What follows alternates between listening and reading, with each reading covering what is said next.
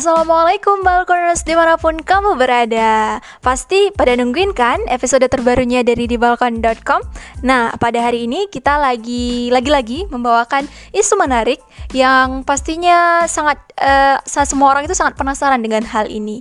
Nah ini tuh adalah tentang self love Bagaimana mencintai diri sendiri. Ini tuh menjadi hal yang cukup penting dan kamu harus tahu tentang ini. So, hari ini di balkon.com menyediakan konten tentang self love yang akan dijelaskan oleh Kak Rani Salsabila Effendi. So, bagi kamu yang butuh dan juga penasaran, kuy cepetan dengerin podcast kali ini. Semoga bermanfaat ya. Dadah.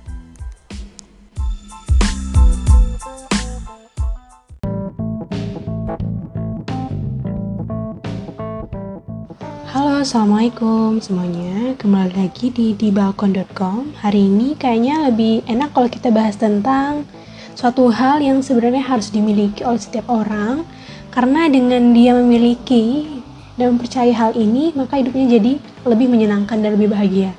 Percaya nggak? Itu adalah self love. Ya, mencintai diri sendiri. Mencintai diri sendiri itu gimana sih maksudnya? Jadi mencintai diri sendiri itu adalah keadaan di mana kita bisa menghargai diri sendiri, yang mana adalah bentuk penerimaan diri kita terhadap diri kita sendiri. Gimana sih maksudnya? Banyak kok orang yang cinta sama dirinya sendiri, perawatan, segala macam. Itu kan cinta sama dirinya sendiri. Itu beda. Self love yang dimaksud adalah self love yang mana penerimaan diri dan bisa memaafkan diri sendiri Nah, pada saat misalnya kita diberikan suatu bentuk oleh Tuhan yang Maha Kuasa dengan sesempurna mungkin, dan kita menerimanya dan mencintai diri kita tanpa kita membandingkan dengan orang lain, itu bisa menjadi salah satu hal yang udah kita miliki yang bisa diidentifikasi sebagai self love. Self love ini kita bisa dikatakan menyetujui, menghargai dan memahami diri kita sendiri kita bisa menantang dan jujur pada diri kita sendiri tentang kekurangan dan kekuatan kita, dan membuat diri kita sendiri itu nyaman. Kayak kita mencintai orang lain, tapi ini kasusnya adalah kita cintai diri kita sendiri. Nah, sebenarnya kita bisa lakuin self love ini gimana sih? Yaitu bisa kita dengan memaafkan kesalahan diri kita sendiri. Kita pasti salah, setiap orang pernah salah. Tiap hari pasti adalah salah namun yang butuh kita lakukan apa? Kita memaafkan diri kita sendiri dan kita belajar dari kesalahan. Kemudian, utamakan diri kita sendiri. Sebelum kita mengutamakan orang lain, egois dong ya. No, self love itu sangat berbeda dengan egois. Gimana? Self love itu adalah kita mengutamakan perasaan dan kepentingan kita sendiri. Bisa terasa sulit bagi siapa pun yang menginginkannya yaitu ya nggak salah kita mengutamakan diri kita sendiri. Kita harus mencintai diri kita dulu sebelum kita mencintai orang lain, iya kan? Kalau kita hanya mencintai untuk orang lain, jadi kita hidup untuk siapa? Kita hidup untuk membahagiakan orang lain, tapi kita lupa akan kebahagiaan diri kita sendiri.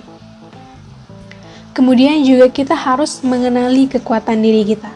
Memang lebih mudah untuk fokus pada diri sendiri dibanding kata orang kan? Karena dengan kita memiliki percaya diri, maka kita memiliki kekuatan dalam diri kita. Nggak pernah ada orang yang terlahir nggak ada potensi, karena semua dari kita itu punya potensinya masing-masing yang bisa terus kita asah. Nah, gimana sih maksudnya? Potensi itu sebenarnya ada, baik kamu itu jago nulis, jago nyanyi, jago gambar, jago lukis, jago nari, dan banyak kemampuan-kemampuan yang lain yang harus dikenali terlebih dahulu. Ketika kita mampu mengenali kekuatan-kekuatan diri kita, maka kita bisa menerima diri kita sendiri. Misalnya nih, ada orang, dia tuh tahu dia punya bakat nulis karena ketidaksengajaan ketika dia ikut kompetisi dan dia menang. Dan dia nggak pernah belajar nulis sebelumnya. Nah, pada saat itu dia bisa mengkaitkan bahwa kayaknya aku punya potensi nulis deh dan dia terus mengasah potensi nulisnya.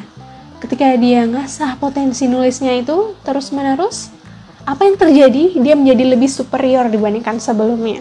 Dia lebih mencintai dirinya sendiri, dia lebih mengapresiasi apa pun yang dijalani oleh dirinya sendiri dan dia jauh lebih mudah diterima oleh lingkungan. Kenapa? Karena dia udah cinta sama dirinya sendiri dulu, baru dia bisa memberikan cintanya kepada orang lain. Nah, selanjutnya yang bisa kita lakuin apa? Hindari orang-orang toxic. Orang-orang toxic itu gimana sih? Orang-orang yang gak pernah menerima dirinya sendiri dan gak pernah menerima orang lain di hidupnya. Gimana maksudnya?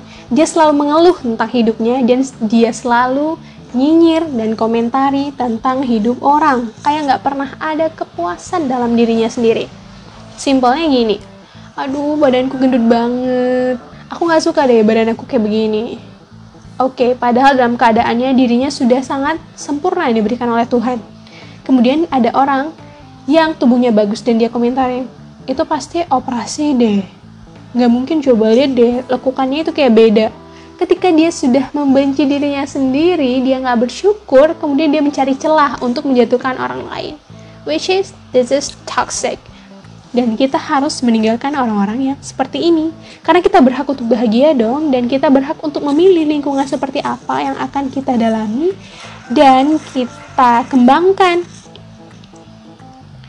Dan yang paling penting dari semuanya adalah jangan lupa bersyukur. Self love itu adalah erat kaitannya dengan syukur. Ketika kita bersyukur pada Yang Maha Kuasa, maka kita terus mencintai diri kita sendiri. Jangan lupa cintai diri sendiri, karena orang lain akan mencintaimu ketika kamu sudah mencintai dirimu sendiri. Bye bye, sampai jumpa. Assalamualaikum warahmatullahi wabarakatuh.